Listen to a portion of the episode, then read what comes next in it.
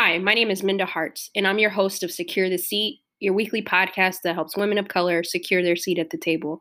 And it's not about getting your seat and kicking up your feet, but it's about bringing others along with you. Success is not a solo sport. As one of my mentors, Tiffany Dufu, says, when you make it up the when you get on the elevator and you make it up to the top, make sure you send it back down.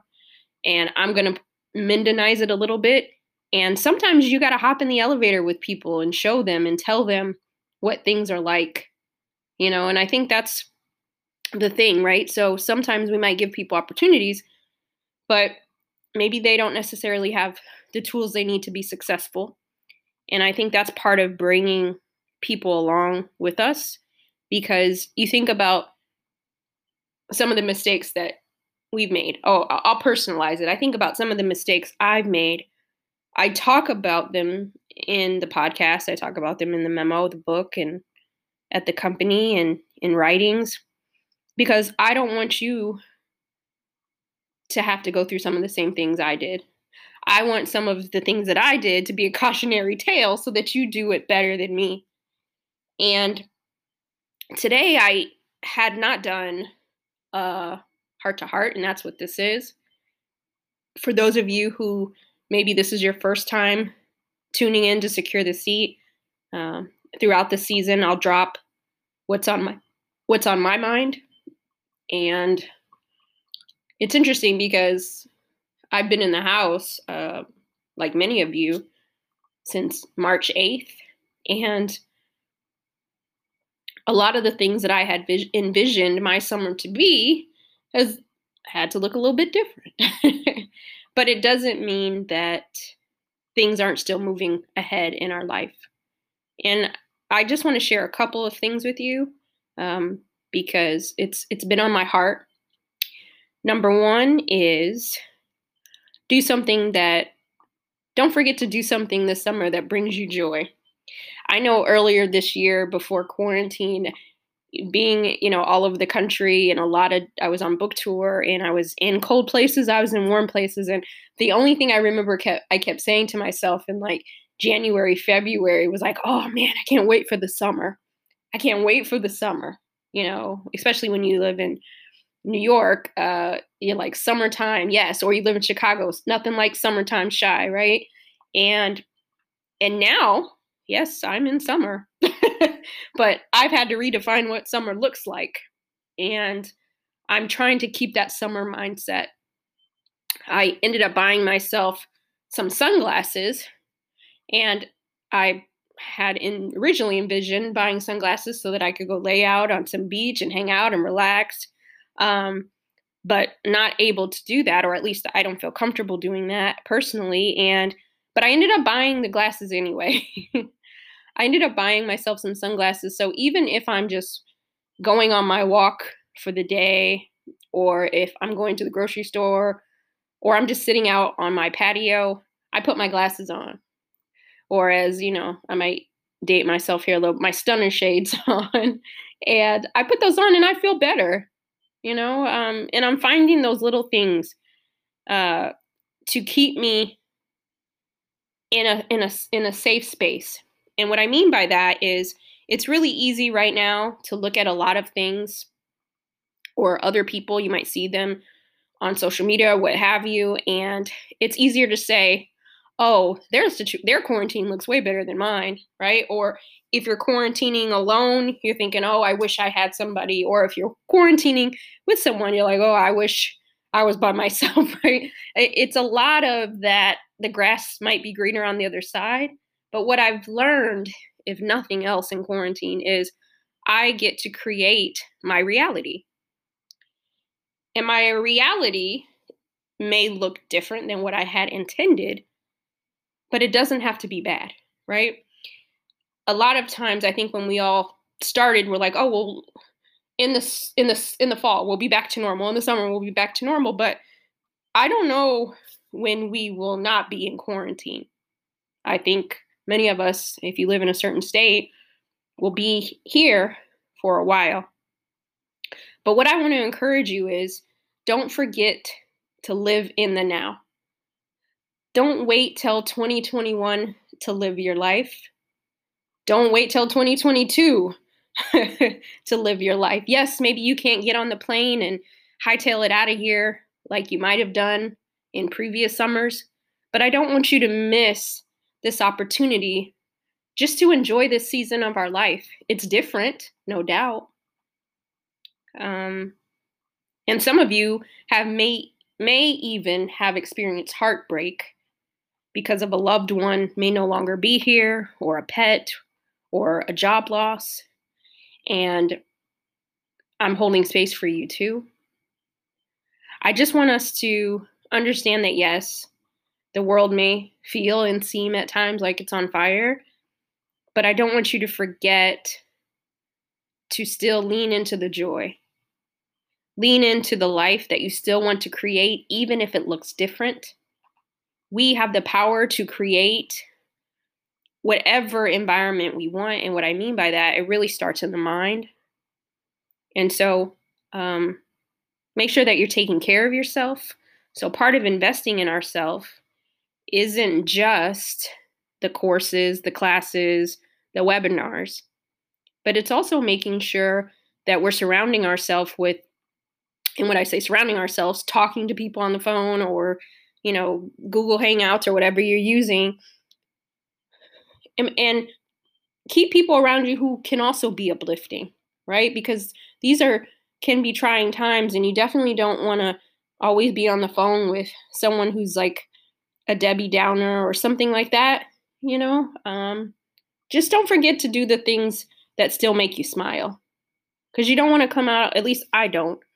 I don't want to come out of quarantine jaded, right? Or fearful, scared, and and those are real things that could potentially take place and so i try to still keep myself grounded i still try to create a sense of normalcy in my life and and maybe it looks a little bit different but i still want to hold on to that you know this this time in our life can still be some of the best years of our life they just look different and so i just want to remind you that all is not lost it just looks different i'll say it again all is not lost, it just looks different. And there are no rules. you know, people say, "What what do you think about the future?" I'm like, "Listen, I let's what do I think about right now? Everything is new. There are no rules. We get to create what the rules are right now. You get to lean into those conversations that your companies are trying to have with you. You get to be, if you choose, to be a little more honest and candid about your experiences, like yes, this is a weird time period, but I think it's could potentially be one of the best time periods for us. Us black women, us women of color. I think if we take advantage of the opportunities that are presented to us, we're setting up ourselves and the next generation up for success. And so I keep a I try to keep a positive outlook as best as I can. Obviously, some days are harder than others, but I don't want to let my life pass me by just because I'm inside the house. And again, you don't have to be busy in the house, but do the things that, again, find new things that bring you joy. You know, even if it's watching a documentary or making good trouble, whatever that is for you. Uh, one thing that I have uh, I don't. I'm one of those people that don't really have any hobbies. I don't have hobbies. Um, and somewhere along the line, as I've gotten older, uh, work is the thing, right? And one thing I I decided that I wanted to do uh, while I was in quarantine is to create like um, a little Zen garden, very small. I've been taking care of. I have uh, a, a mini tree, two mini trees, and I have three flowers in one plant. And I take care of them. That is my time where I plant, replant, uh, and repot. I've never done any of this before. Uh, but it gives me just that time, and I'm really enjoying it. And again, I, I I'm just trying to stay positive, stay focused, and, and know that my life doesn't have to be on pause. Your life doesn't have to be on pause if you don't want it to be. We might, as a country, be in a pause type of situation, but your goals, your dreams, your aspirations, you don't have to pause them. Again, it just looks different. It might look different right now. Uh, the other thing that I wanted to share with you is that I just want to tell you that I'm proud of you. Like, what are you talking about, Minda? um, I think as Black women, as women of color, we do so many things. We hold space for so many people that sometimes we forget to celebrate our wins. And sometimes we're telling and rooting for so many people and telling everybody how we're proud of them and go, girl, go, and all that kind of stuff. And I just want to tell you that I'm proud of you. I don't have to know you to be proud proud of you. I don't have to know you to root for you. And I just want you to, right now, if you can just visualize something that you're proud of. And everybody has something.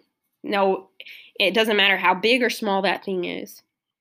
And on those moments when you're feeling like alone, you're feeling isolated, you're feeling like, is all this worth it? Think about those things, those times where you you are proud of the something you accomplished. And if nobody's told you lately, I'm here to tell you that I'm proud of you. Because sometimes this world just does not see us. And you can see it with Senator Kamala Harris, how people are coming after her for her ambitions. But what would it look like if the narrative shifted to say, wow, look at this woman who happens to be a black woman and look at all of her accomplishments. Let's celebrate her. And um, and so I just want you to know again that I'm proud of you. And maybe this world can't see it, but I see it. That's why I do the work that I do. I do it for us. And you, many of you know that I am a lover of grits and rap lyrics. And I, I was thinking about this this Drake song, and I don't know if you he had a song with Nicki Minaj, and it says "I'm so proud of you," and um, that comes to mind. So if you need a little motivation, uh, definitely listen to "I'm So Proud of You" Drake featuring uh, Nicki, and um, I just there's like this one part where he's like, I'm so, I'm so, I'm so, I'm so, I'm so proud of you. and I just am. When I think about how far all of us have come collectively, when I think about how we hold space, how we're asking for more, how we're taking up space, how we're securing our seats, how we're securing our bags.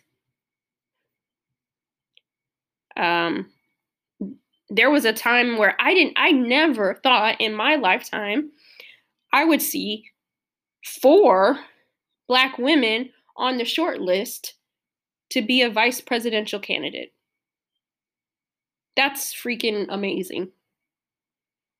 And regardless of if one gets chosen or not, the fact that we are on that list, there was a day when we weren't on the list. There was a day when we weren't even considered to be part of the cabinet and to be number two and potentially still be the number two person of this country. I mean, we're one step closer, y'all. we are one step closer. And, and the, the, even cooler thing about that is that we will be and hold positions of power in that cabinet. And so this is a great time to be black. I don't care what nobody says. This country might try to racialize us with some trauma, but they clearly don't know we have royalty inside our DNA. And um, yeah, I, I just wanted to let you know you're on my mind, you're on my heart. Um, oh, and lastly, what does secure the seat mean to me? it means a lot, but it means taking care of ourselves. And this is a time that I hope that you're taking care of yourself. You're figuring out what self care looks like for you because it's hard to keep the seat. It's hard to activate your voice when you're not taking care of yourself. And um, yeah, And if you follow me on Instagram, I do Instagram lives on Thursdays at 4 p.m. ET. Join me there, Minda Harts on Instagram.